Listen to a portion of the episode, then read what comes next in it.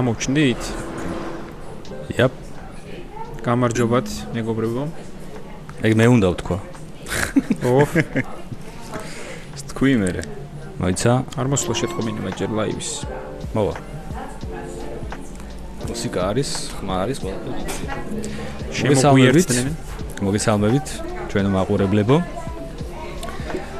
ჩვენ ვართ გემუგი, იცით ალბათ გეცოდინებათ. აა ჩვენ ყოველ კვირას 3 საათზე, დღის 15 საათზე გავდივართ ხოლმე. პირდაპირ ეთერში გვაქვს პოდკასტი. დღეს არის მე-7 გამოშვება, მე-6 თუ მე-7? მე-7, მე-7, მე-7. აა ცოტა დაგვიგვიან და ნახევარი საათით თავი რატო არ დამრჩა? ცა არა უშავს. აა თემო, დიმიტრი, გოგა და მირიანი.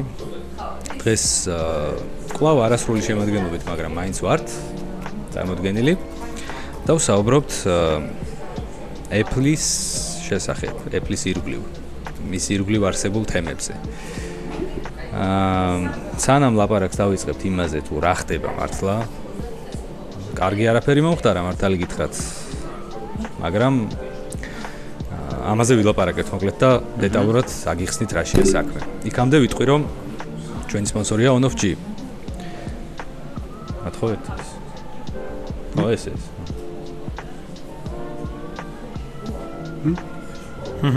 ანუ ვადარებ რა შეადარე არა ვერ ვადარებ და ვერ ვადარებ არა ვერ ვადარებ ხო და on of g-ზე შედით და შეადარეთ ბატონო აა აი ესეთ კრეატივით გამოირჩევა მირიანი. პრივიტ დრუზი, მე გეტყვით აი ესე უკრაინულად. თუ რატომ გასაგები ალბათ. ალბათ ხდებით რატომ გვაქვს უკრაინის დროშა დღეს ჩვენ ჩვენს სტუდიაში. შორის ჩვენ ვიყოფებით კაფეში ახალი მციური. ძალიან გემრიელი ჩაი აქვთ. და გლინტვეინია ძალიან გემრიელი. რომელიც მე ვერთვი.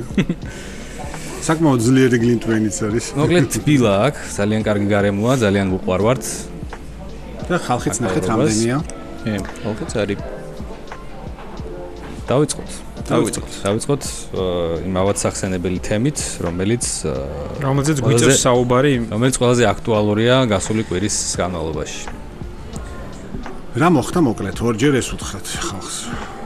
აა, რამდენიმე დღის წინ აღმოაჩინეს მომხორებლებმა, რომ ყირიმის ნახევარ კონძული, რომელიც 2014 წლის სამხედრო კონფლიქტის შემდეგ გადავიდა რუსეთის დაქვემდებარებაში de facto de facto აა Google-ის მეთქი Apple-ის რუკაზე და Apple-ის ენამ გიყილა ხო? ენამ გიყილა და მაგასაც მეთქი Apple-ის რუკაზე და ასევე Apple-ის ამინდის აპლიკაციაში ეხლა მიეკუთვნება რუსეთის ფედერაციას, მაგრამ холод მათთვის, ვინც რუსეთის ფედერაციის ტერიტორიაზე იმყოფებოდა. ისინი ხედავენ ასე. ფიზიკურად დანარჩენი ადამიანები, ჩვენც მათ შორის არანაირად არ ხედავთ, ანუ რეკუთვნილება მოშორებული აქვს, ასე ვთქვათ, ყირიმის ნახევარ კონძულს და უბრალოდ იქ აწერია ქალაქები, რაღაცეები და უკრაინისა თუ მოზამბიკის, ეს საერთოდ არ ჩანს. ამაზე რასაკურველია დიდი გამოხმაურება მოყვა არა მარტო საქართველოსში ან უკრაინაში, არამედ მთელი მსოფლიოს მასშტაბით, ვინაიდან აა როგორც მინიმუმ Apple-ისგან ყოველას გაუკვირდა ასეთი ნაბიჯი. Apple-მა რამდენიმე დღე დააყოვნა.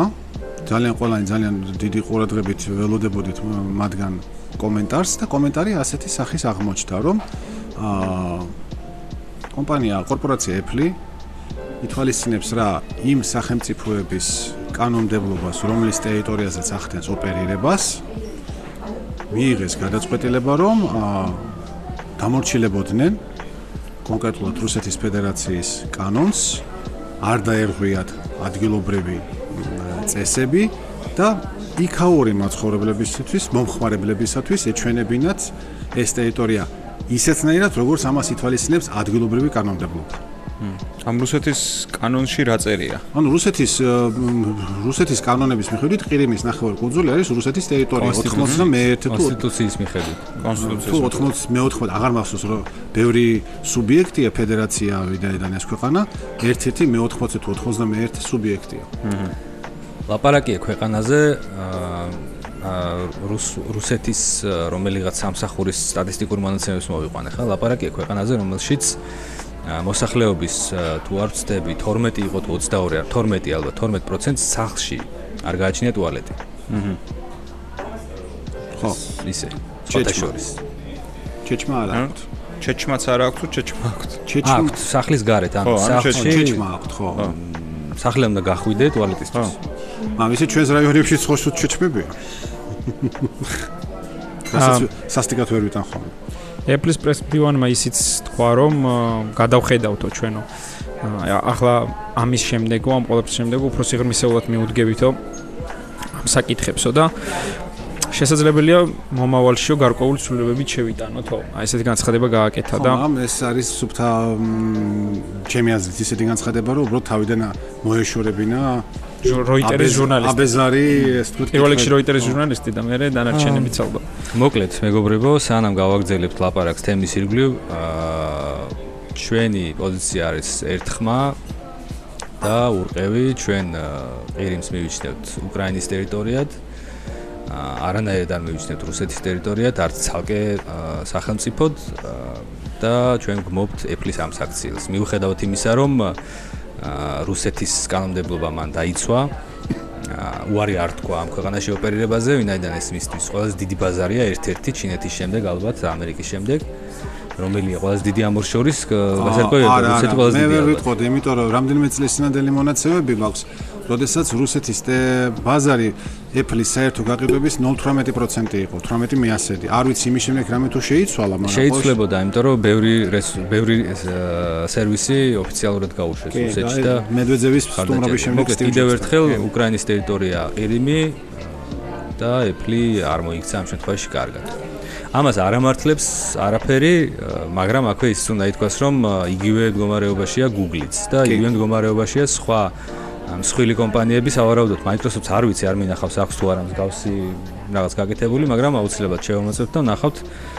თუ არა აქვს გაკეთებული, მოუწევს სავარაუდოდ, იმიტომ რომ აა რუსეთის დუმამ აა მოსთხოვა Apple-ს კონკრეტულად Apple-ის წარმომადგენელს შეხვდა და მოსთხოვა რომ დაეცვათ რუსეთის კანონმდებლობა, კონსტიტუციური წესები და ეღიარებინათ, ეღიარებინათ არა, უფრო კონსტიტუციასთან შესაბამისობაში მოიყვანა მისი სერვისები ეს რაღაც მოსთხოვა.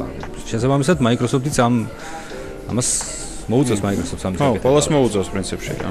ასე რომ, როდესაც ეს ამბავი გაჟღერდა, ასე ვთქვათ და უცნობელი გახდა და გემუქშიც დაიწერა ამის შესახებ ძალიან ბევრი კომენტარი შემოვიდა რასაკვირველია მომხრებლების მხრიდან აღშფოთებული. და მათ შორის განსა ჩემი აზრით საკმაოდ ბევრი აღშფოთებული კომენტარი მოდიოდა სიკეთის კორპორაციის მოყვარულთა მხრიდან. ანუ რომელი? ანუ Google რომელმაც ხათაშოეს თავისი კონსტიტუციიდან უკვე ამოიღო ის ფრაზა don't be evil. აღარ აქვს Google-ს. ანუ აღარ არის Google სიკეთის კორპორაცია ეს ერთი. მეორე როგორც ჩვენ გავარკვიეთ როგორც მირიამ ესოთია თქვა ზუსტად ანალოგიურად აჩვენებს Google Google-ის რუკაზე ყირიმის ნახევარკუნძულს ტაივანის კუნძულს რომელსაც რომელზეც მრავალწლიანი და მრავალ ათწლეულიანი ეს იყო პირველი მერცხალი Apple-ის მხრიდან. კი, ტაივანს მაგალითად Apple ჩინეთისთვის აჩვენებს ჩინეთის ტერიტორიად, ხოლო მის გარეთ ტაივანი დამოუკიდებელი რესპუბლიკა და კუნძულია ფორმოზა და ასე შემდეგ. Google-ის იმას აკეთებს. აქვე იმასაც დავამატებ, რომ არ მინდა სახელი გამოვიყენო ამ ამ ტიპის აზრების გამოთქმელი ადამიანების მიმართ, მაგრამ მოკლედ ისინი ხო არა ვართ, ანუ ისინი რა, არ ვიტყვი ხა? უწმაწური არაფერი. თუმცა ის უწმაწურობა დიდლება. აა ანუ არ მინდა რა, არ მინდა რა ვთქვა. მოკლედ მე ვიტყვი მაშინ რა. როდესაც იძახით 100 ძალიან გაბრაზებული ვარ. როდესაც იძახით 100 დაამატეთ ბეთს. და თუ აგინებთ Apple-ს, რაც რა თქმა უნდა საგინებელია და ცალსახაა და ჩვენ ეს უკვე განვაცხადეთ და ჩვენი პოზიცია ურყევია მასთან დაკავშირებით. მაშინ აგინეთ თქვენ საყვარელ კომპანიასაც. წინააღმდეგ შემთხვევაში ჩვენ კი არ გამოდივართ მიკერძოებულები. თქვენ გამოდიხართ მიკერძოებულები. აი ესე ცოტა აგრესიულად გამომივიდა, მაგრამ ვისაც ეწყნება ცივი დალიოს. ხო, მოკლედ ჩვენი მხარდაჭერა უკრაინას. რასაკვირველია, ცალსახად. ხო, აქვე ის უნდა ითქვას, რომ იყო რაღაც აზრები გამოთქმული, რომ თუ ამას არ დავგმობთ რა თქმა უნდა, ორი აზრი არ არის გმობთ, მაგრამ ის ადამიანები, ვინც ამას მეტ ყურადღებას არ მიაქცევენ, მაგალითად, ჩვენ უნდა გადავყაროთ Apple-ის ყველაფერი, Apple-ს უნდა ვებრძოლოთ და ყველა, ანუ ვერ გავაკეთებთ ამას, იმიტომ რომ ჯერ ერთი ეკოსისტემაში ვართ გამოკეტილი. და device-ები, რომელიც გვაქვს, ვერ ჩავანაცვლოთ ვერაფრით. მით უმეტეს იმ შემთხვევაში თუ Google-იც იგივე საკეთებს, ანუ საწავიდეთ მაშინ. ქვის ხანაში ხარ დაუბრუნდები. თუ ვინმე გადაყრა საპიროს, მოიტანეთ პირდაპირ ჩვენ. აა აფხაზეთსე და სამხრეთოსეთსეც იყო ლაპარაკი ერთ დღესო ეფლი რუკაზე რუსეთისთვის ამას მოხაზავსო. ჩემი აზრით ჯერჯერობით, არ ვიცი მომავალში იქნება, მაგრამ ჯერჯერობით ეს აზრისმოკლებულია, იმიტომ რომ ეს ორი ტერიტორია, ეს საქართველოს ორი ნაწილი რუსეთის კონსტიტუციაში არ არის ჩაწერილი როგორც რუსეთის ტერიტორია. ანუ ხო, ანუ ყირიმი არის შესული აფხაზეთის სახელმწიფოების თვითონ ეს არაღიარებული de facto სახელმწიფოები ვერ მოსთხოვენ ვერც Apple-ს და ვერც ვერავის მის სერვისებში ასახოს ის სერვის ის ტერიტორია ისე როგორც მათ უნდათ. Come on. თუ რუსეთი მიიერთებს ეს უკვე Apple-ი ამას ასახავს თუ არა ეს უკვე ნაკლებად საინტერესო იქნება ეს უფრო უფრო დიდი პრობლემა იქნება ჩვენთვის ვიდრე ვიდრე რუკაზე რასიზმს. რა თქმა უნდა. და აქვე კიდევ ერთხელ ვიტყვი რომ არ არ ამართლებს არაფერი Apple-ის აქციელს ჩვენი გადასახედიდან. ერიმი არის უკრაინის ტერიტორია და მორჩა. წერტილი სად დავსვა წერტილი? ასვია სადმე მოკლედ. აი წერტილი. თუმცა შენი აზრით მერიან რა ვარიანტი ქონდა ეფს რა როგორ უნდა მოქცეულიყო ამ შემთხვევაში? ეს რომ არ არ მომხდარიყო ეს რომ არის აი იურისტთა გუნდს რა უნდა ეფიქრა? დაირღვია კანონი? გამოეცხადებინა ომი რუსეთისთვის? ძალიან მარტივად არის საქმე. აა თუ მოდი ძალიან მარტივ პარალელს გავავლებ რა. როცა შენ რაიმე არა კონსტიტუციურს ჩადიხარ. კერძო პირი. რას შვება ამ დროს სახელმწიფო? რა თქმა უნდა გიპირისპირდება, იმიტომ რომ კონსტიტუციაზე მაღლა არაფერი არ დგას. კი ბატონო. კონსტიტუცია არის საბაზისო, რისი შესრულებაც ევალება დიდ პატარას, უფროს თუ უმცროს, ხო? შესაბამისად Apple-ს მოუწია ამის გაკეთება. მიუხედავად იმისა, რომ რუსეთი ჩვენი ტერია და ჩვენი ტერიტორიები ოკუპირებული აქვს და ჩვენ არ გვიყვარს რუსეთი, რუსებზე არ მაქვს ლაპარაკი. რუსეთი როგორც სახელმწიფო. ხო, მე და კონკრეტულად პუტინი. არ მინდა პოლიტიკაში გადამივიდეს, მაგრამ დაკონკრეტებამდე. არა, Apple-თან ახლოს. აა, რა ვიცი. არ გაკეთე. ისევე მოგექცევა კომპანიას ქვეყანა, მით უმეტეს ძალიან დიდი ქვეყანა, რუსეთი, როგორც ჩვეულებრივ პირს, ხო? დაგიჭერს. კი. ან გაგანადგურებს, გაგაძევებს. ხო და რა ვიცი, Apple-მა არჩია, სამწუხაროდ Apple-მა არჩია სერვისების დატოვება, ფული იმ შემთხვევაში თუ ქვეყნიდან გასვლა. იმ შემთხვევაში თუ მაგალითად Apple-ის რო ეს მომხარებლის ინტერესებისთვის გააკეთა, შეიძლება ასე შეიფუთა ეს თემა, მაგრამ მე ასე არ თვლი. მე Apple-ის ადგილზე გავიდოდი ქვეყნიდან. ხო, მაშინ ჩინეთის ბაზრიდანაც უნდა გასულიყო, რომელიც რამდენიმე წლის წინათ გააკეთა და მე ძალიან არც იქინემი მიღონ, არც მე უკან დაბრუნდა და სხვათა შორის უპრეცედენტო ნაბიჯიც კი გადადგა Apple-მა, როდესაც მხოლოდ კონკრეტულად ჩინეთის ბაზრისთვის ორ ფიზიკურად ორ სიმიანი ტელეფონი რო გამოუშვა. იმდენად მიმზიდველი ბაზარია მისთვის, რომ ის მზად არის თვალი დახუჭოს ჩინეთში მიმდინარე ადამიანის უფლებების დარღვევებზე, დიდი ჩინურ კედელზე, საუბარი ელექტრონულ კედელზე, ტოტალურ თვალთვალზე, თვალთვალზე და თვალყურის დევნებაზე, ყველაფერზე ამაზე Apple Apple-ის და Google-იც მზად არიან დახუჭონ თვალი, ხოლო და მხოლოდ იმის გამო, რომ ბაზარი შეინარჩუნო და რატომ? იმიტომ რომ ძალიან ბევრი ადამიანი არ ითვალისწინებს ამ ერთ საბაზისო ძირითად პოსტულატს, რომ ნებისმიერი კორპორაცია შექმნილია შემოსავლის მიღების მიზნით მისი აქციონერებისათვის. აი აქ დაესვა დიდი მსუქანი წერტილი. თუ აქციონერი არიღებს შემოსავალს, კომპანიის დირექტორს რას უშვებიან? უშვებენ სახში. უშვებენ სახში რბილად რო ვთქვათ. კი ბატონო. ბიზნეს, ბიზნეს. ეგარ. Nothing personal, just business. Just business. კიდევ ერთხელ, არავინ რო არ ჩათვალოსო ჩვენ ამით ვაправებთ ან რაღაცა შვებით. არ ვაправებთ. მაგრამ უბრალოდ ესე. ამიტომაც შესაძლოა ჩვენ არ ვართ ბიზნესმენები და არ ვართ მილიარდელები ან თუნდაც მილიონერები. იმიტომ რომ შეიძლება ჩვენ სხვანაირი შეხედულებები გვაგვაჩნია რაღაცა საკითხებზე, მაშინ როცა ციფსისხლიანმა ბიზნესმენმა სხვანაირად უნდა შეხედოს და მიუდგეს ასეთ საკითხებს. აი ეს არის და ეს. მაინც ვიტყვი იმ ვერსიებს, რომლებიც მოვისმინეს სხვადასხვა Apple-ის მომხმარებლებისგან და საკმაოდ დიდი გამოცდილების მქონე ადამიანებისგან, რომლებსაც ამერიკაში უცხოვრიათ და ახლა ცხოვრობენ ზოგიერთი და ჭიდრო ურთიერთობა აქვთ Apple-თანაც და პოლიტიკასთანაც.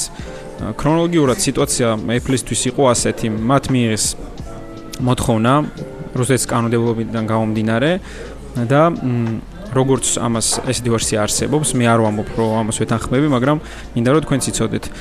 Apple-ის იურისტა გუნდმა, როდესაც მიიღო ეს მოთხოვნა, მათ პირველ რიგში არ გაითვალისწინეს ის რომ ეს არის რუსეთი როგორც მათთვის ფულის მომტანი ბაზარი, არამედ მათ იფიქრეს იმ მილიონობით მომხმარებელზე, რომ რომლებსაც შეიძლება რომლებსაც შეიძლებოდა ქონოდათ პრობლემები იმის გამო რომ Apple რუსეთში ვეღარ შეიტანა თავის პროდუქციას. ასე ლაპარაკობს Apple. ხო, ეს ეს ეს ეს უნდა ეს მხარე ეგარი გაправება, ასე ჭალებში. ხო, მაგრამ რუსეთში არის უამრავი ისეთი ადამიანი უდანაშაულო, რომელსაც საერთოდ არ აინტერესებს ყირიმის მდგომარეობა, ის არის უბრალოდ Apple-ის მომხმარებელი და Apple-ის იმ გადაწყვეტილებას, რომელსაც უფრო სწორად თulit ეხა ჩვენ რომელიც უნდა ექნა, მოუტანდა ძალიან დიდ ზიანს, მორალურ ზიანს ყოველ შემთხვევაში. ეს არის ერთ-ერთი ვერსია. მე მაპატიეთ მამა ერთ როდესაც ეძახიან ხოლმე, აი რუსი ხალხი რაღაცა, მეორე რუსეთი რაღაცა, მაგ დროს ის გიფი მიდგება თვალწინ, ჯიმ კერი რო წყალს რო სვამს, ხო იცი? Come on. არ არსებობს ორი რუსეთი. არ არსებობს. ერთია. კარგი, მოდით მოურჩეთ ახლა ამ თემას. მაგრამ ბოლოს სანამ მოურჩებით, თავარი რაც არის, საიდან წამოვიდა ეს პრობლემა? ყველაზე მთავარი რაც არის, არის ის რომ საერთო ჯამში ამ დიდ კომპანიებს დარწმუნებული ვარ ეს არეულობა არ უნდათ, არ უნდათ რომ ამდენი მოხარული გააცოფონ. არეულობა კომპანიას არ უნდა, მან ფული უნდა აკეთოს. ხო, რა თქმა უნდა, ანუ თავარი პრობლემა მოდის რუსეთიდან, საბოლოო ჯამში ეგ უნდა ითქვას. ხო, და უბრალოდ სხვა გზას არ უტოვებს დიდ კომპანიებს. ამეთ პრინციპში ვიდავოთ ამაზე ოღონდ უკვე ეთერს გარეთ. კი ბატონო, კომენტარებში თუ შეიძლება დაწერეთ თქვენი მოსაზრებები ამ საკითხთან დაკავშირებით, ჩვენთვის ძალიან საინტერესო იქნება მათი მოსმენა და რა თქმა უნდა პასუხის გაცემაც. ხო და ჩვენ რა თქმა უნდა გემოგი ვაგრძელებთ კიდე უფრო დიდი მუხტი და мотиваციით ჩვენ საქმიანობას და ის ვინც ეფლს მოხმარებელი იქნება შევეცდებით რომ დავეხმაროთ მათ იმიტომ რომ ყველაზე მეტად თქვენ ეფლის მომხმარებელი რომელსაც გიყვართ კომპანია და ჩვენ რომელსაც რა თქმა უნდა გვიყვარს ეს კომპანია მ ყველაზე ყველაზე მეტად განვიცდით ესეთ სიტუაციას ესეთ მდგომარეობას და მიხარია რომ ამდენი წელი ეფლი პოლიტიკაში არ ერეოდა ხოლმე ხშირ შემთხვევაში კარგი, გადავიდეთ. აი, გადავიდეთ. ეგრე ახლოსაც არ გინდა მიკროფონი. ეხლა სხვა თემაზეც ვისაუბროთ. ხო, თუ ამ თემასთან დაკავშირებით რამე კომენტარი დაიწერება? მოდი მოვაყოლოთ, ბარემ აა ტიმ კუკის მიმართ გაზრდილი წნეხის თემა. ხო, არის ეს ესეთი თემა გვაქვს დღეს რომ განვიხილოთ ტიმ კუკი მთლიანად მისი მოღვაწეობა Apple-ში. როგორ დაიწყო და როგორ მიმდინარეობს მის საქმიანობა. უთების გადამზიდი იყო, ხო, თავით. ლოჯისტიკის უფროსი. ხო, თავიდან. და რატო, რატო გვინდა რატო არჩევს? თვირთაობიდან გენ დირექტორებამდე. ხო, რატო გვინდა ეს თემა შესაბამისად მიხვდებით, იმიტომ რომ ძალიან ბევრი რამ დაგროვდა, რაც წინს ჩვენ ყოველას ბევრი ისეთი ფაქტი რამაც უკვე მივედით იმ დასკვნამდე რომ შესაძლოა რომ ტიმბუკის სკამი შეიროს. იმპიჩმენტი დაიწყოს? როგორ დაიწყება ახლა მაგიზა ტრამპის იმპი პარალელურ რეჟიმში იქნება იმპიჩმენტები? წავიდნენ და ის ხომ ღილაკი ერთად დააბრუნონ მერე ახალ პროდუქტებს ხო? ტრამპს დაუმზადონ სპეციალური ცალკე iPhone-ი, რომელსაც home ღილაკი ექნება. არა, დიდი home ღილაკი დაუმზადონ, რომელსაც დაარტყამს. Big red button. მაგას ხო უყარს რა დიდი სათამაშოები? რაკეტები და რა. რომელს? ტრამპს. მე დიდი სათამაშოები უყარსო Tim Cook-ზე. ცოტა სხვანაირად გავიგე. აი გარგვინდა ხო? აი ის ჩვენ ჩვენთან ეწერა საიძე ერთი სტატია საინტერესო ამასთან დაკავშირებით და დიმა შენ დაგითმობთ რომ დაიწყო. რომელი აბა ტიმ კუკის აი ეს. ამბავზე აა ხო. რაც გეტყვი შენი აზრი გითხარი და აყვებით მე რამდენიმე დღეს წინათ ეგ სტატია დავწერე მოკლედ. აა სულთა თეორიულად განვიხილავდით ისეთ ვარიანტს რომ თქვა ტიმ კუკის ნაცვლად ჩვენი ძვირფასი კვილ და მურაბა კრეიგ ფედერიგი რო დაგვხდარიყო ძალიან კაი კომპანიის ხელმძღვანელი ახლა რომ ურაბა კაცია. კი, კრეიგ ფედერიგი ვინც არიცით, ეს არის უფროსი ვიცე-პრეზიდენტი, რომელსაც საოპერაციო სისტემები აბარია, თავიდან მას ებარა macOS-ი, მაგრამ შემდეგ იმ ერთი ოდიოზური, ანუ სტივის გარდაცვალების შემდეგ ფარელის წასვლის შემდეგ რომელიც iOS-ის მიმართულების ვიცე ვიცე-პრეზიდენტი იყო და რომლის დამსახურება ის სკოემორფიზმი. ხო იცით რა არის მეგობრებო სკოემორფიზმი? აი address book-ში რომ address book-ი რო გავს ნამდვილ ქაღალდის ბლოკნოტს თავისი რკინის სპირალით და რაღაც ჯანდაბები და ოხრობებით, ანუ როდესაც ფიზიკური ნივთების ახასიათებლები გადმოტანილია ვირტუალურ სამყაროში. მადლობა ღმერთს ამ პერიოდმა გაიარა და სკოემორფიზმი აღარ არის, აღარსაც, მაგრამ აი ფარელ ძალიან მოსწონდა. ფარელი გაუშვეს მთელი რიგი მიზეზების გამო, იმიტომ რომ მან ჩააფლავა Apple Map-ი მაგალითად და ეს იყო ძირითადი მიზეზი და ნელა მოხდა ჩვენი თქმელი მურაბა კრეიგის აღზევება. მაგრამ სამწუხაროდ მოხდა ისე რომ სტივ ჯობსმა თავის გარდაცვალების წინ თავის სამართალ მემკვიდრედ დატოვა ტიმ კუკი. ეხა ძალიან ძნელი სათქმელია რა მოხდებოდა თავიდანვე რომ ფედერიკი ყოფილიყო. იმიტომ რომ კუკს მიუხედავად იმისა რომ ჩვენ ბევრი პრეტენზიები გაგვაჩნია მის მიმართ რომ აა ну აი რამე ხედავთ ინოვაციურს? ერთადერთ პროდუქტზე წელიწად ნახევარი იჯახირეს იჯახირეს ეს ის დამტენი და ისიც გააუქმეს. მაშინ როცა სულ რაღაც მე air power. Air power რომ და სხვა შეს გაუქმები და სულ რაღაც 2-3 კვირაში თუ დაახლოებით ერთ თვეში მე ერთმა კომპანიამ დადო ალბათონო ჩვენ თითქმის ბატონო და თან Apple-მა წაიღო და დადო თავის საიტზე და დაწერა რომ შეგიძლიათ შეიძინოთ კარგი. შეგიძლიათ შეიძინოთ კარგი მოწყობილი მაგრამ მიუხედავად სჭირს ინჟინერებმა გაუსხეს გაუსხათ ანუ მე როგორც ვხედავ კომპანია უფრო მეტად გახდა მარკეტინგული ბულშიტის მატარებელი ვიდრე რეალური ინოვაციების. ან ჩემი აზრით Apple-ს უნდა და გაიგეთებინა ისეთი რაღაც ფიზიკის კანონების გვერდის ავლა, მაგრამ არ გამოვიდა იმ ფიზიკის კანონებს გვერდს ვერ აული. აური ეს აუ არის გვერდის ხმა? არა, ხმა გააკეთეს ისეთი, რომელსაც არ სჭირდება, ანუ მაგათ უნდა რა? ნებისმიერ ადგილას დადებდი. ნებისმიერ ადგილზე საათს დადებდი, ტელეფონს დადებდი თუ რას დადებდი, რაც უკაბელოდ იმუხტება, პირდაპირ უნდა დაეწყო დამოხტვა მთელი სიმძლავრე. აჰა. არ გამოდის ეგრე. ხო, აგერ იქნათ ის წერტილები. პატენტის ფოტო რომ ნახე ის კოჭები რომელიც არის ამ უკაბელო დამტენებში, მან როგორ არის, ცით? როცა არის რაღაც კოჭა, რგვალი რაღაც.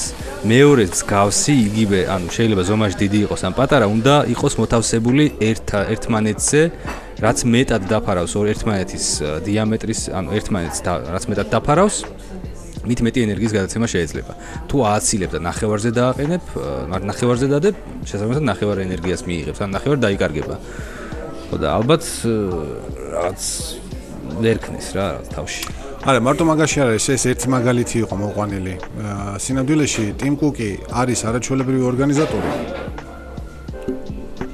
პროცესების ბიზნეს პროცესების გადაზიდვების ტიმ კუკის დამსახურება ჯერ კიდევ სტივ ჯობსის სიცოცხლის დროს რომ მან მინიმუმამდე დაიყვანა ანუ ის ბიზნეს პროცესები რომლებიც თქვათ პროდუქტის შექმნიდან მის საწარმოში დამზადებამდე და მეორე მომხრობამდე მიტანამდე ეს მთელი ჯაჭვი ყველაფერი იდეალურად აქვს საწყობილი მაგრამ არა არა ზე ისიც მეტყველებს რომ თვითონ სტივ ჯობს მაგიტომაც ანუ ამიტომ უნდა ვაფასებდეთ ტიმ კუკს ამიტომ უნდა სტივ ჯობსი ის არ არის. არა რა თქმა უნდა არც ხვები არ არიან მაგრამ ყოველ შემთხვევაში კრეიგ ფედერიგი უფრო უფრო ისეთი ტიპია რომელიც თავისი მენტალობით გავს სტივ ჯობს.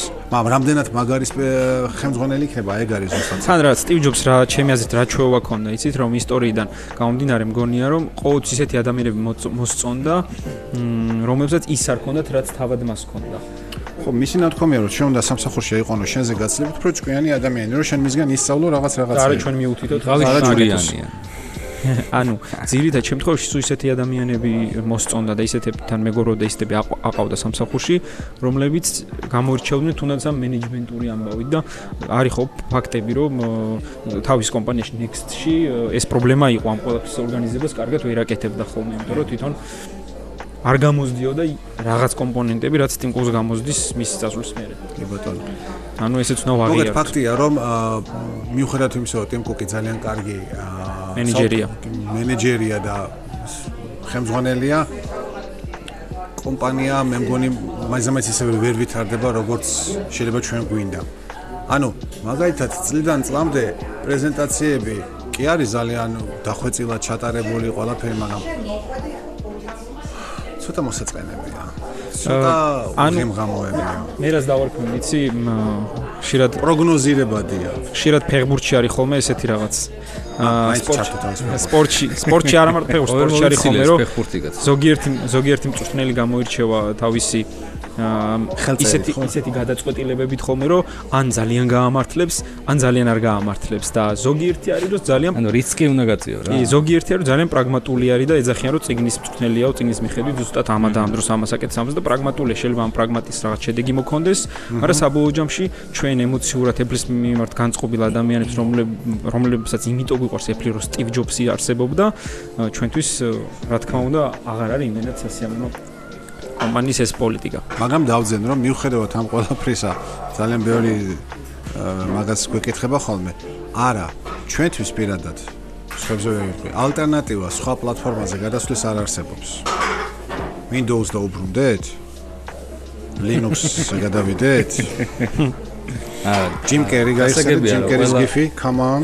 აი ყველა საოპერაციო სისტემას თავისი მომხმარებელი ყავს, არ ვებძვით არავის, არც Linux, არც Microsoft Linux მithumetes, იმიტომ რომ ყველა თავის სფეროში თავისებურად აა მოიხმარს იმ სისტემას, რომელიც მას აწყობს და რომელიც მას გამოადგება.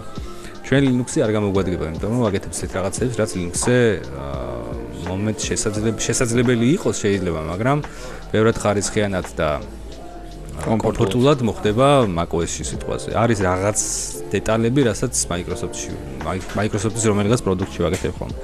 ერთი ესეთ კომენტარი შემოვიდა, ალბათ რუკების თემას ეხება. შარშან ბათუმში დაჩეკინების დროს თურქეთს ნიშნავდა რუკაზეო. ეს ეხება სავარაუდოდ Facebook-ს, რომელიც იყენებს თავის ბაზას, რომელიც დაფუძნებულია here.com-ის ბაზაზე, Nokia-ს, Nokia-ს იყო მგონი ეს. არ მახსოვს. აა OpenStreetMaps რაღაც არ ვიცი რას იყენებს მოკლედ, მაგრამ Facebook-ს აქვს თავისი ტარაკნები თავში, მინდა გითხრათ. იგივე Google-საც, როცა თურქიასა ბათუმში დაჩეკინებისას მოხდა თურქეთის ტერიტორიად მონიშნა, ეს იყო აა არა Google-ის, არა Facebook-ის, არა თურქების ან ქართველების ან რომელიმე, ანუ პრობლემა არის იმაში, რომ აა Facebook-ი არ გიხაზავს საზღვარს. საზღვარს გიხაზავს ადამიანების მიერ შეტანილი ინფორმაცია.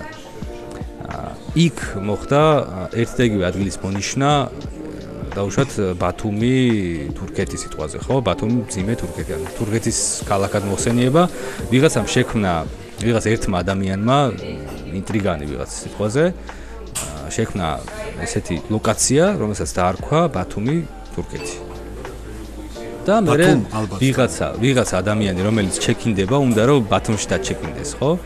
ზებნაში ჩაწერა ბათუმი პირველი რაც შეხვდა დააჭირა იმას. 1 2 10 100 შეიძლება გაუაზრებლად გააკეთა ეს რამდენიმე ასეულმა ადამიანმა და დარჩა ეს რა.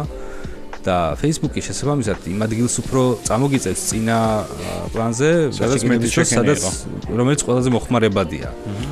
და ამაში არც ქვეყანა არ უნდა ჩაერიოს, არ უნდა ჩაერიოს, ეს უნდა გააკეთოს მართალია Facebook-მა, მაგრამ ჩვენ მეტად პატარა ქვეყანა ვართ, რომ ამას თავის არ მიაქცევს ყურადღება. ანუ შენ დათო, მე თემო, დიმა, როცა ბათუმში მოხვდებით, ეს ადგილი უნდა დავარეპორტოთ და უნდა უთხრათ Facebook-ს, რომ იცი ეს ეს არაკორექტულია, უნდა ჩავასწოროთ ეს. ბათუმი თურქეთი კი არა, ბათუმი საქართველოა და ასე შემდეგ. რაღაც კონტრიბუცია ჩვენც უნდა შევიტანოთ. წარმოიდგინეთ, რამდენი მილიარდი ლოკაცია აქვს, რამდენი ასობით მილიონი ლოკაცია აქვს Facebook-ს, რომელსაც ყველას ვერ მიაქცევს ყველა. ხო არ იცის, ხო? მაგაკია მარკმა, რომ ბათუმი თურქეთი არ არის და საქართველოა, ხო? მოკლედ ასე. არ უჭამი აჭარული ეთყობა ბათუმში. სტივი მე მგონი მაგიტო იყო თავის დროზე გაბრაზებული, რომ ხიკლის ჭამა შესთავაზეს ეს რუს რუსეთში ქართულ რესტორანში, ხო? ხო, ეს ნობელი ფაქტია 1985 წელს სტივ ჯობსი ესტუმრა საბჭოთა კავშირს. კონკრეტულად მოსკოვს, რასაკვირველია, საუბარი იყო იმაზე, რომ მაკინტოშები შეეტანათ საგანმანათლებლო სფეროში, იმიტომ რომ მაშინ Apple ძალიან აწვებოდა ამას, რომ ის პირველი მაკინტოშები. აა, მაშინ ტერიტორია მოატყუა, ხო?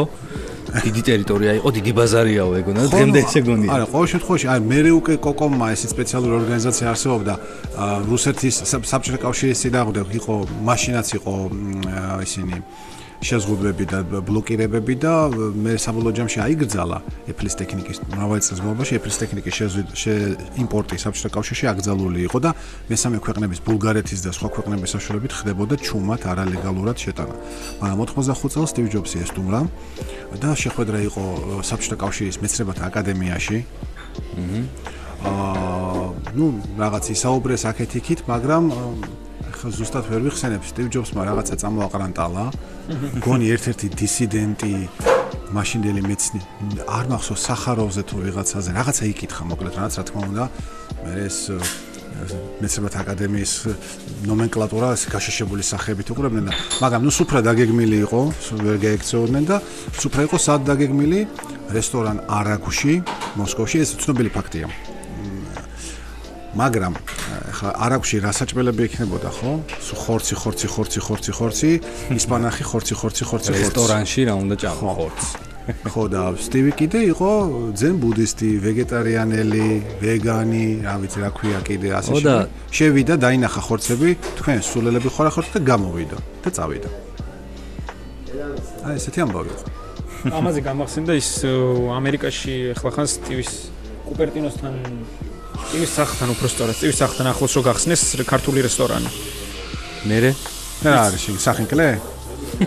ალბათ. ყველაფერი ქართული. იტოქში რომ მივდივართ ახლა ჩვენ როცა წავალთ კალიფორნიაში რომ მივდივართ კარგად დაიწყე ხო აი ენა მიხილა ხო კარგად დაიწყე ეგრე გაიგე ხო რაღაცნაირად რაღაც უნდა ორგანიზება უნდა მოვახდინოთ საკითხს რა ესე იგი რომ მივდივართ იქ შევდივართ ჯესტივის სახლს ნახულობთ ჩეკინდებით მე მივდივართ იქიდან ყველანი რესტორანში და ვჭამთ ვეგეტ ქართულ ვეგეტარიანულ უპერტინო ჯორჯია. უპერტინო ჯორჯია. ეგრე მოვნიშნოთ. არბაერიოს და აურიო თუნი ამერიკაში. მოკლედ რო შევაჯამოთ იმ კუგიდან წავედით ნელ-ნელა.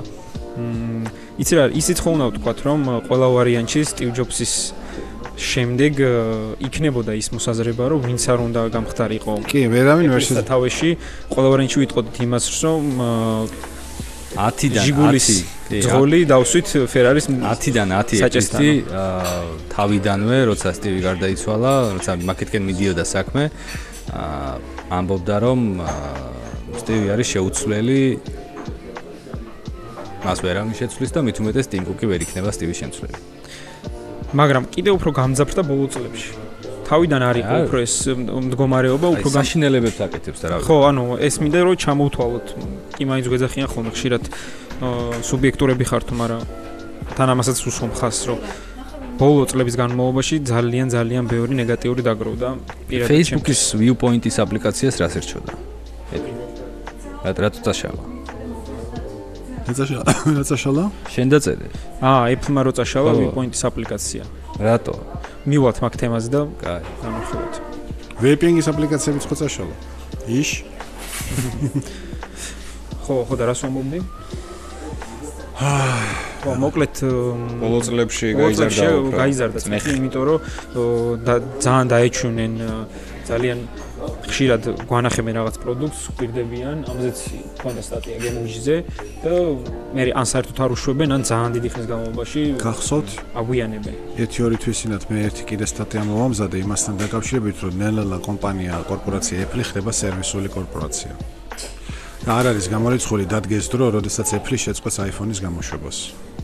იმიტომ რომ წლიდან წლამდე თუ ჩვენ დავაკვირდებით იმ კვარტალური ფინანსური შედეგების მაჩვენებლებს, სერვისის ნაწილში სულ უფრო და უფრო მეტად მატულობს, ხოლო აპარატურულ ნაწილში შემოსავალი კლებულობს. იქნება ეს მაკები, იქნება ეს ტაბლეტები თუ იქნება ეს iPhone-ები და სხვა დანარჩენი, რომელშიც არის საათი, ის აქვია ის სპიკერი და რაღაცა ჯანდაბები და ოხრობები. HomePod. HomePod და ანუ რა სიზამს მაშინ iOS. აი ნახეთ Apple TV ახლა Apple TV Plus Plus-ი რო გაუშვა სერვისი, სერიალები რაღაც. არ გამოვიდეს ხოლმე შეიძლება 5-7 წლის შემდეგ კომპანია მთლიანად გადავიდეს სერვისებზე. შეიძლება iOS-ის ლიცენზირება მოხდეს, macOS-ის ლიცენზირება მოხდეს. თეორიულად შესაძლებელია. ან ყოველ შემთხვევაში დაიზღვიოს თავი იმდენად რომ კი Mac-იც გამოდიოდეს, iPhone-იც გამოდიოდეს, მაგრამ ეს კომპანიის შემოსავლების საერთო წილში მიზერული მოდი უფრო შორსავალ. უფრო შორსავალ და აი წლების წინ რომ ვარაუდობდით რა ფილმებში ნანახი რაღაც სასწაულები რომ ერთ დღეს სიმართლე გახდებოდა და მზის შუქს იხილავ და ვიღაც გააკეთებ და იქნებ მაკეთკენ მიდის ეფლი. თუ ასეა. რა. ანუ ეს დივაისი როგორც ასეთი ეკრანიანი რაღაცა ტელეფონს და საათს რა განასხვავებს ერთმანეთისგან? ეკრანი, ხო? და ბატარეის მუშაობის ხანგრძლივობა. თუ ბატარეას გაუმჯობესებენ და იმ ეკრანს ჩაგვისვამენ თვალში, ამას გულის დავიწყოთ დავიწყოთ მინიმუმ სათვალით. მინიმუმ სათვალით და შეიძლება ერთ დღეს ფუტურამაში როგორც არის თვალში ჩაშენება მოხდება რაღაც ჩიპის რომელიც გამოსახულებს პირდაპირ თვალზე გაჩვენებს და ანუ რეზოლუცია დაიწყება მე დაბლიდან ავაზემოთ აღარ გახდება საჭირო ეს რა. გექნება რაღაც ერთ gadget-ი, რომელსაც ან გაიკეთებ ხელზე, რა ვიცი, ისე ჩამოიკიდებ, ჯიბეში ჩაიდებ თუ რაღაც და იმ სერვისებს, რასაც ტელეფონით იღებ, ყურში ყურსასმენით მოისმენ. აა ეკრანს თვალით დაინახავ, შიგნით თვალში ჩაშენებული სხვა რა გინდა. აჰა. ნაცნობი. აუდიოვიზუალურ მხარეს გადაიტანე. ადამიანის ხეულზე და განარჩენი რა ვიცი, აი ეს. ამაზია საუბარი. ამაზია. დაახლოებით. აი ეგრე ჩანს. აჰა. აი აკა სირიერი ჩართული ამ წამს სათვალეში. ხო, ამაზე წავით. ამაზე რატო არის ახლა საუბარი კიდევ? იყო დახურული ივენთი, რომელიც ნუ დახურული იმ ხრივ რო არ დაპატიჟეს ისეთი ხალხი, როცა როგორც ჩაოლებრო ღონისძიებაზე პატიჟებენ ხოლმე. დაპატიჟეს ის ვიც უნდათ, ხო? ხო, ისაუბრეს ინვესტორები, ინვესტორებთან დაკავშირებით და ბევრ საკითხზე და მთავარი რაც არის, რატო ამ თემას რატო უკავშირებ? გამოვიდა ხმა და ვიღაც ვიღაც კომპანიები საუბრობენ, რომ იქ იყო საუბარი აა ვირტუალურ რეალობაზე. რომელსაც რომელშიც ხედავს თავად ტიმი და ტიმს. არა, ვირტუალური რეალობა არის დამატებითი ხარიან. მე ვლაპარაკობ რას, ცი? დაუშვათ Facebook-ის სკროლვა, ხო, შეიძლება Facebook-იც აღარ არსებობდეს, მაგ დროისთვის იყოს რაღაც. აი, მაგის ნაკლებად ბიჭო. თვალში რო დასკროლო? ხო, მოკლედ. თავარი არის, რომ სათვალე იყო ნახსენები. ხო. როგორც სწორები ამბობს, თუ დაუჯერებთ, სათვალესთან დაკავშირებით იყო რამოდენიმე სიტყვა ნათქვამი. მ ამ დახურულ ღონისძიებაზე. ოკეი. და ივარაუდეს რომ ტიმ კუკისთვის ეს არის მომავალი პროდუქტი, რომელიც ჩაანაცვლებს smartphone-ებს. ესეთი ვარაუდები არის თეორიული. ხო? ეს Google-ის სათვალე სადა მოკვდა? Google-ის სათვალე გადავიდა რაზე ამბობ? ხმა კონვერსაციის. რაზე ამბობ? ხო მეშლება რაღაცა, ხო? იყო რამე ეგეთი? Google-ის სათვალე. ეხა ჩვენ ძალიან გვეჭხბებიან მაგაზე, ხო? რაზე? როგორ თქვენ Google Glass არ გახსოვთ? 3500 დოლარიანი მოწყობილობა არ გახსოვთ? ხო, გვეჭხობონა აი Google Glass-ი კაი და Microsoft-ის ის რაღაც სადარი. HoloLens-ი? HoloLens-ი ხო რამე?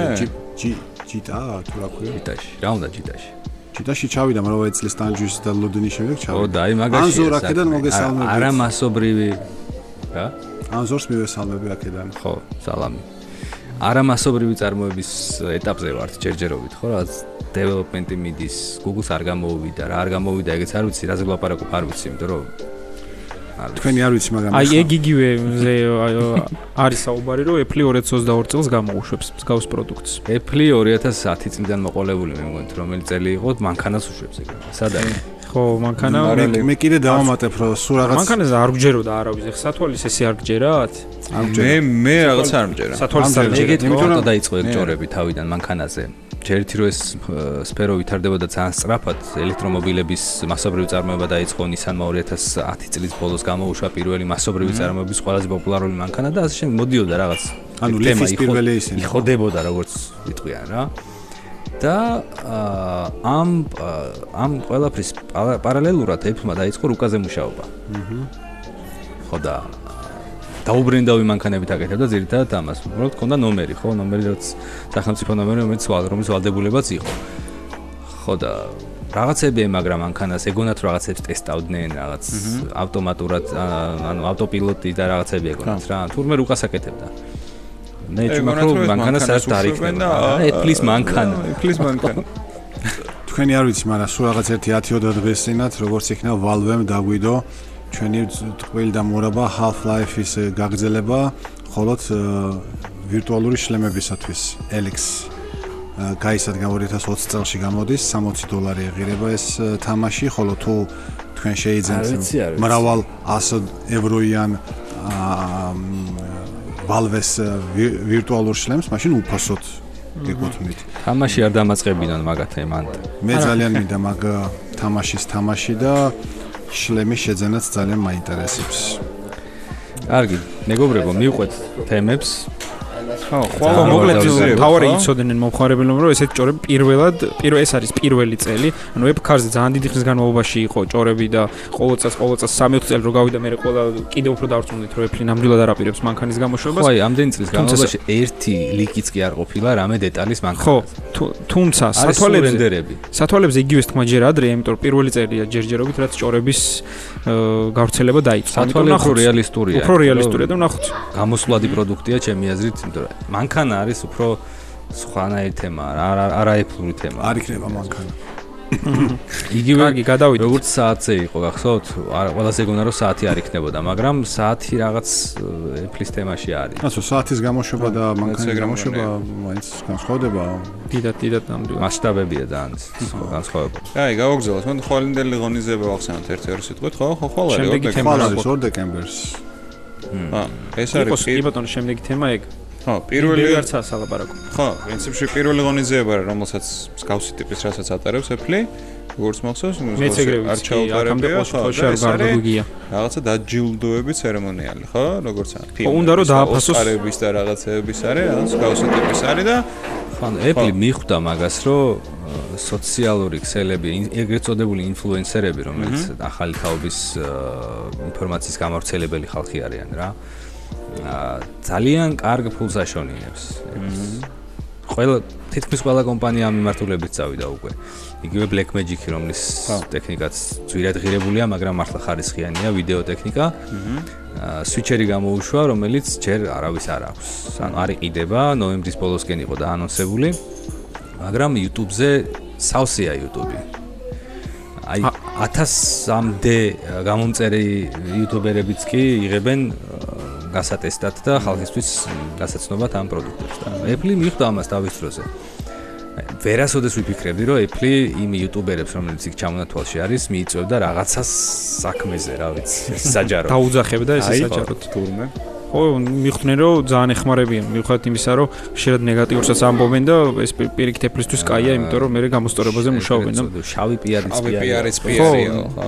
გარდა იმისა, რომ პოპულარიზაციას უწევენ, ეხმარებიან მათ დეველოპერებს, რომ რაღაცები დროულად გამოასწორონ. ფირფასო ტიმ. თუ გინდა რომ შენზე კარგი ვისაუბროთ, შემდეგ WWDC-ზე მიგვიწვია. კაიგე. ბიჭო.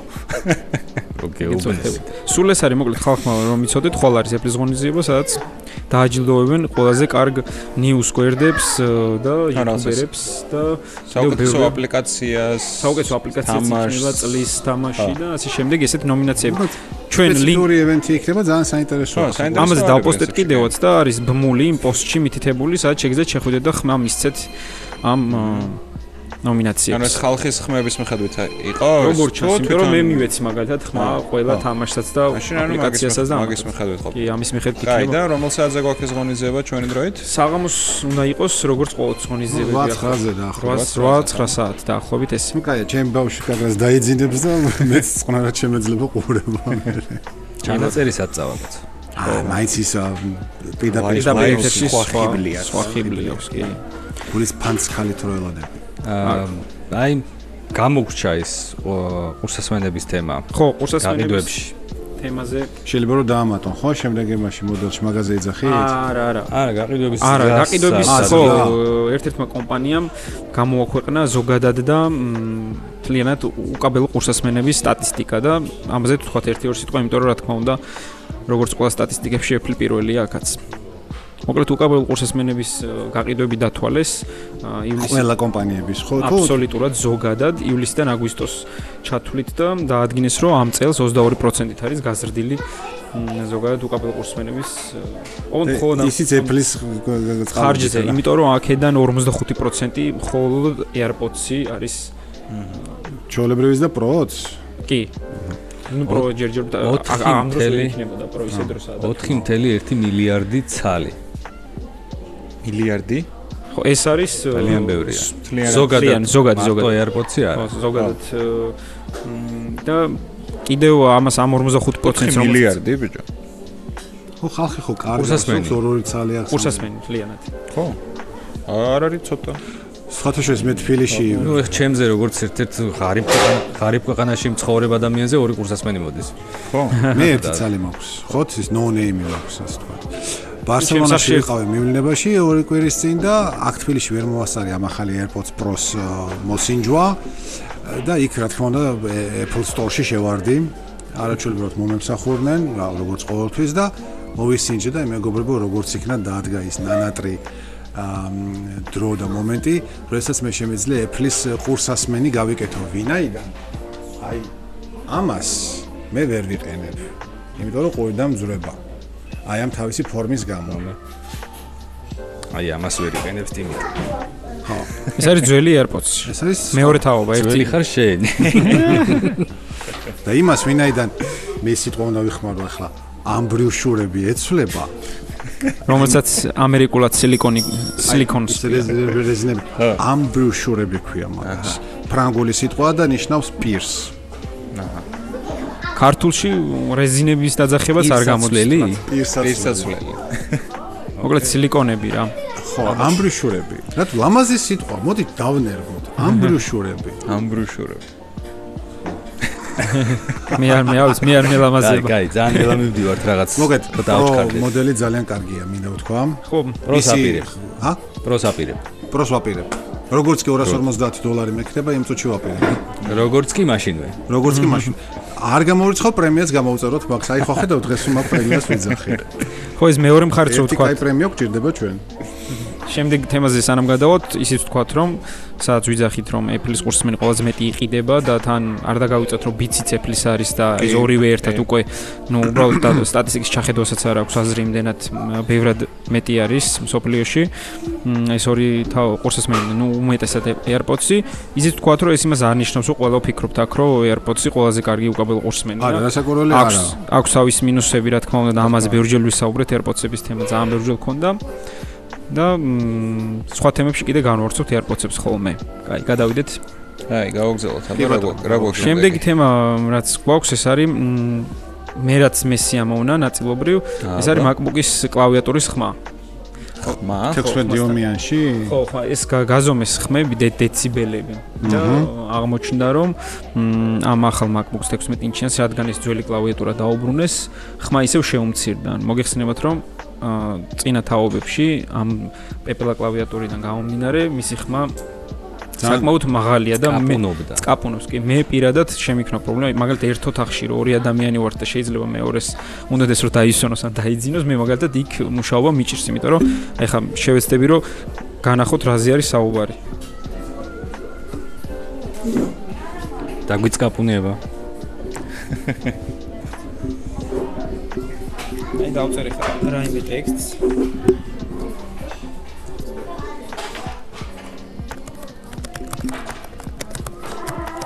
მოტეხა. არ არის ასიამოვნო. რა თქმა უნდა ნამდვილად არ არის როცა შენ იძინებ და გვერდზე ეს ეს ხმა ისმის. ამიტომ ესეც სხვათა შორის აი წინა თემაზე რომ დაუბრუნდეთ იუთუბერების დამსახურებაა რომ ამაზე და ბლოგერების რომ ბევრი იწუწუნეს. და ესეც გამოსწორებული იყო თუ ზუსტად არ მახსოვს მაგრამ დაახლოებით არის 40-30 დეციბელამდე დაყვანილი. ჩურჩულის კი კი. ხმაურის დონეა და თავისთავად თითქმის მოხდებოდა ეგრე, იმიტომ რომ ძველი ტიპის კლავიატურა და ეს მაკრატელა რაც იყო. რაც იყო, ადრე ზუსტად იგივე გაიმეორეს, ოღონდ ცოტათი შეამცირეს და ცოტათი ეს ერთ-ერთი ერთ-ერთი ის არის რაზეც წამოსაუბრობდით რომ ეს ჩემთვის ნეგატიურად აისახა სიმართლე გითხრათ რატო? სიახლე ა ნეგატიურად იმ ხრივ რომ სიახლეს ვერ- ველოდი ყველაფერი. Apple-ისგან და მივიღე კარგი. განახლებული უბრალოდ. ყველაფერი დავიწყებული ახალი ძველია, დავიწყებული ბოდიში ეგრე გამოვიდა. მოდაც ტრიალებს ყველაფერი ტრიალებს. ხო და ეს ძველი MacBook-ები ზოგიერთი მათგანი ძალიან ახლოს იყო. ძველი მას რა ერქვა? აა საბეჭდი მანქანა ძალიან ახლოს იყო საბეჭდი მანქანის ხმასთან. კლავიატურაზე აკრეფის დროს ამიტომ გამიხარდა რომელი? პეპელასი? პეპელასი კი კი პეპელასი. ხო ეგ ა- მაგას არ და მე არ მაქვს პეპელა კლავიატურიანი მაკი ჩემი 2015 წლისა და ის ძველ კატეგორიას მიეკუთვნება მაგრამ მე მომიწია საბეჭდი მანქანაზე მუშაობა ამ 30-20 წლის წინათ და კამონ, ისეთი ხვავს ტრაქტორებით. მოკლედ ეს თემაც რო დავასრულოთ, იმის თქმა გვინდოდა რომ გილოცავთ ვისაც ვისაც ეს პრობლემა ქონდათ 16 ინჩიან MacBook-ში ეს პრობლემა აღარ იქნება. ანუ 16 16 ინჩიანის კლავიატურა არის, აი შენი ლეპტოპი როგორც არის, მერე ეგეთი ოღონ უფრო კლავიატურა, უფრო გათხელებული. ცოტა დათხელებული კი. და კიდე ერთ რამეზე უნდა მივაქციოთ ყურადღება. აგერ აი გოგას ლეპტოპს თუ ავიღებთ და შევხედავთ აი ამ ისრების კომბინაციას და თქვა ეგ ისრებით შეცვალეს აი ეს როგორც პრაქტიკა მაჩვენა არის დებილობა. არ შეიძლება ისრები აი ესეთნაირ აი ესეს მახინჯურად გააკეთო. ვიცი რომ წამოგცდა, არა უშავს. ჰა? არაფერი მე რეგეთ. რაცა სული სიტყვა თქვი? კონტექსტუ. ხო და. მოდი ვაჩვენებ ხალხს. აჩვენე. და როგორც იქნა, ისევ დააბრუნეს უკან ანუ ის არის ზედა ზემოთ მიმართული ის არის უნდა იყოს ყოველთვის ზემ თავი თითქოს ერთი ერთი კლავიშია ზედა და ქვედა ის არის ხო არ შეიძლება ეს იმიტომ რომ თითებისთვის თითები შეიგრძნობენ მრავალი წელს განმავლობაში აი ვავარჯიშებ ხოლმე არა, ავარჯიშებ ერთია, მაგრამ ზემოთ ქვემოთ კლავიშები იგივე არის. გვერდით კლავიშები გასუქებული, არ შეიძლება. სიმეტრიაში მოიყვანეს თვითონ. ო, აი მე არ დავკვირვებდი ვარ მაგას. ეს ძალიან ცუდია. ისედაც ასიმეტრიულია კლავიატურა, ხო? ყველა ზოლი აცდენილია ერთმანეთს, არა, ერთმანეთის პირისპირ არც ერთი. აცდენილი, იმიტომ რომ როგორც საბეჭდ მანქანებში იქიდან მოდის ეს სტილი ასე. კი ბატონო. ხო, იმიტომ რომ ესე ხო არ ბეჭდავ, სწორად. ცოტა გვერდზე გაქვს ხელები და შესაბამისად გაშლა არის საჭირო. მე მაინც ვერ ვისწავლე ათი თითით ბეჭდა მე. დაბეჭდი მანქანიდან გამოყოლილი. ესე ესე ხო არის? დავისვენოთ ახლა. მე აგზელებ ცოტა ხანში. იგრე ხო არა? აი გუშინ თუ გუშინ წინ დავდე ითის კლიპი უცხო პლანეტელი რო იყო ძალიან გზელი თითი რო აქვს ხო იცი? როანათებს. აი ეგრე ბეჭდავ ხო? კაი, გაზაფხულზეც ველოდებით, ესე იგი, ერების და 13-იანების ახალ კვარტურასაც. კი, და ყოჩივარდებით ამოვა მიწიდან აუცილებლად. და მე უკვე ველოდებით აი, ყბადაღებულ SE-ს ახალ ვერსიას, რომელსაც წინ ექნება მთლიანად ეკრანი, როგორც 10 ხონი. ხო, ყველანაირი ლოგიკით მაკეთ მივდივართ. აა, მე ვფიქრობ, რომ არ იქნება მასე. მე ვფიქრობ, აა, C მოდელს რო კი, აი, მოდელს ველოდებით ხო, რამდენი წელი. აი, მაგას ექნება, მაგას ექნება ტრამპისთვის სასურველი home ღილაკი. ანუ ეხლანდელი iPhone 8-ს რო ვიძახით, რომელსაც შუშის корпуსი აქვს, პრაქტიკულად გავს მთლიანად ამას, უბრალოდ მთლიანი ეკრანი კი არ არის, ანუ ძველებურად ზემო და ქვემო ძოლებია და აქ ხომ ღილაკია. ანუ ჩემი მოსაზრებით, ზუსტად აი ესეთ корпуში გამოუშვებენ სეს, ოღონდ ექნება ის პროცესორი, მეხსიერება, ყველაფერი, რაც თქვათ აი iPhone 11-ის მოდელებს, ხო? ანუ ყველაფერი ძლავრი, ყველაფერი კარგი, ოღონდ ისევ ხომ ღილაკი. რაც უფრო კაი იქნება, რაც უფრო, უფრო. ხო, კონცეფცია იგივე დარჩება, ანუ SE რაც გამოვიდა თავის დროზე, იყო ანუ დიზაინი იგივე, დაბალი ფასი შეგნელობა იგივე. ამ შემთხვევაშიც მეც ესე მგონია პრინციპში. ფაქტორი შეცვალეს დააპატარავეს მასშტაბში და ვარაუდობ 550 600 დოლარის ფარგლებში ალბათ. არა, ნაკლები მე. კიდე ნაკლები? ახალი პროცესორის გამო შეიძლება მართლა 500 მგონია მე. ნახოთ 499 შეგვიძლია ფსონები დავდოთ 399 ან იგივე რაც SE SE რა ღირდა პირველი 399 აი იგივე მგონია მე რა ცოტა გააძვირებენ რა. ხო, მეც მგონია ოდნავ გააძვირდა. გააძვირდა კაცო, ცხოვრება გააძვირდა. ნახოთ. კი არა და 11 რო იაფი იყო უფრო. ო, უფრო ვიდრე 10 ერი. მაშ. ეგეც არის. ნახოთ. კარგი, მეგობრებო, გავიდეთ ახლა ბოლოში და გავიდეთ. მოდ ტრადიცია ჩამოაყალიბოთ ეგეთი ეს დღე ეფლის ისტორიაში. აი ერთი აა, ჩვენ ხო გვაქვს? ერთი ამბავი შემხვდა. არა, პოდკასტში. ხო და ჩვენ ჩვენ საიძე მეგობრებო, გემოგჯიზე გვაქვს ცალკე რუბრიკა ეს დღე ეფლის ისტორიაში 363 ისტორია გვაქვს. ჩანაწერი. ჩანაწერი. ორი არ გვაქვს იმიტომ რომ ერთ დღეს იყო ჩანაწერი როგორ ჩავიდა მედვედევი სტივ ჯობსთან ამიტომაც არ დავწერე ხოლო ის მეორე დღე არ მახსოვს უცებ რომელი ის იყო. ის მეორე დღეს უბრალოდ არ მოხდა ესე გინდოდა. ესე არა მაგრამ ესე უნდა დაატრიალო. აი მოკლედ. აბა გითხრა 30 ნოემბერს 2003 წელს Apple-ს გაუხსნია პირველი საცალო მაღაზია შტატების გარეთ. აჰა. ეს ხოხტა იაპონიაში, თუმცა Steve Jobs-ი არ ჩავიდა გახსნაზე და სამაგიეროდ იქ იყო Apple-ის იაპონური ნაწილის პრეზიდენტი Eiko Harada. მე სხვა ისტორიაც მაქვს, რომელიც ჩვენ მე მაქვს ამაზე და კალენდარზე დამატებული და ყოველდღე ვხედავ ამას. 2001 წლის 1 დეკემბერს ეფმა დაანონს. ჰა? ხვალ არის 1 დეკემბერი. შენ ცოტა დროში აგერია რაღაცეები. ეს არის 1 დეკემბერი. დღეს არის 30 ნოემბერი. ხალხი ხო იფიქრებს ახლა ჩანაწერია. 1 დეკემბერს Apple-მა წარმოადგინა Final Cut-ის მესამე ვერსია. აჰა. და რა გაქვთ? და 30-ში რა გქონდა? ნახოთ 30-ში. ა 2004 წლის 30 ნოემბერს ა iMac G5 დასახელდა წლის კომპიუტერად. და ბარემ წაიღეს და გაყიდეს იაპონიაში. აიღეს და დამარხეს გერმანელის მუცელში. უი აი აი დავამთავროთ. წავ გავიდეთ ბოლოში ხო? ისი ამასთან რადგან App Store-ია, ბარემ თქვათ ისიც რომ ესეთი news-ც არის რომ ტორონტოში ახლა იქნება მეოთხე App Store, რომელიც იქნება ყველაზე დიდი მოცულობით 10000 კვადრატულამდეო. ყველაზე დიდი საერთოდ საერთოდ თუ ამერიკის App გარეთ. Store-ების სტანდარტულად არის 5000 კვადრ- კვადრატი, როგორც იწება. 1 არ გვინდა, აგერ პატარა კვადრატი. 1 კვადრატი. ჩეხური. შეხური. ერთად ახლა გაგვიხსნა, 30 არა, ჩეხური ჩეხური ისა დაგეგმარება ცუდია, კი, დიდია. ო. ქალაქურს რო ეძახიან, მე სადაც ცხოვრობ. ა ა აფხელა, ა ფეხს გადავგებო მე ზოგადად. არა, ეგეთი ხუშოკო პირობას. მაღალი ჭერით. ა, პირობას ვდებთ მომხმარებლები რომ რიგრიგობით შევალთ იმ დერეფანში. სივიწროვე იქნება რა, ორი ადამიანი რო ვერ გავერთად რა. არ არის პრო- პრობლემა. თქვენ ამ- გახსენთ? ამასთან მის სტრატეგიას გამახსენდა ვთქვათ რომ ზოგადად Apps სულ უკვე 500 მე რამდენი App Store იქნება გახსოვთ? 500 რაღაც და მთავარი ის არის რომ მხოლოდ 25 ქვეყანაში არის ეგ რაღაც App Store გადანაწილებული და აქედან ამ 500 რაღაციდან 250-ზე მეტი არის ამერიკაში. ნუ ახლა ეგ გასაკვირი ახლა ორზე არც მეტი. არის. თავის თავ. ბაზერლენდში უნდა იყოს ყველაზე მეტი. კი ბატონო. ხო, აი ზოგიერთ განვითარებულ ქვეყანაში, შვეიცარია, ბელგია ეს ქვეყნებში სადაც 3-4 წლის წინ გაიხსნა პირველი Store-ები. ანუ ესეც რო იცოდეთ ინფორმაციისთვის, ასე ძალიან ბარსელონაში ორია. მზეშიც არ ვართ. რომში მე ცენზურა დავიცავ. არა, ფლორენციაში არ არის. ფლორენციაში არის? დღეს აა, შეიძლება დაემატა. ვიყავ, ვიყავ მე. შენ იყავ. დღეს მე მეგობრებო გვეთყობა ცოტა აგრესიულები ვართ. პასიურად აგრესიულები, მაგრამ მაინც იმიტომ რომ ჩვენი ჩვენი გადაცემის დღევანდელი გადაცემის თავარი თემა მაინც იყო აა ყირიმის თემა, რომელიც Apple-მა თავის რუკაში რუსეთის ტერიტორიად მოიხსენია. იცი, ამას რა თქმა უნდა აქვს თავის მიზეზები, მაგრამ ჩვენ ამ მიზეზებს არ ვაღიარებთ მაინც.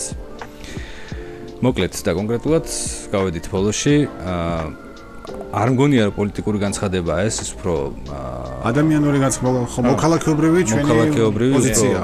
პატრიოტული განცხადებაა, აა, ყირიმი უკრაინა, აფხაზეთი და სამაჩაბლო საქართველო. დავედით სახში. მადლობა ყურადღებისთვის, კარგია რომ გვიყურეთ. შემეშალა. არა. მადლობა რომ გვიყურეთ. ეს იყო გემუგის მეშვიდე პოდკასტი. მ, და არ დაგავწეთ რომ გამოიწერეთ ჩვენი YouTube არხი, სადაც ასევე მიმდინარეობს ხოლმე ლაივები და კიდევ ბევრ თემაზე გვინდა საუბარი, მაგრამ დროის გამო ვერ ვასწავლე. გამოიწერეთ YouTube-ის არხი, გამოიწერეთ Apple podcast-ები, ან Google podcast-ები, ან Spotify, რომელიც თქვენთვის უფრო მისაღები და საინტერესო იქნება. იქ ასევე თუ თქვენ რაიმე სხვა არხების საშუალებით უსმენთ და უყურებთ პოდკასტებს, მოგწერეთ და თუ ეს შესაძლებელი იქნება, ჩვენ აუცილებლად იმ არხშიც დავემატებით და იქაც გავუშვებთ. თქვენ ოღონდ გითხარით, იქაც მოვალთ. ყველგან სულად ისე დავიმშვიდობები მოხვალებს. შენ შენივე MacBook არა, ჩემი ეფარე. გუგავა არ ვისმევ, ჩვენ მოვალთ. მომავალ კვირამდე. დროებით. ახონდის.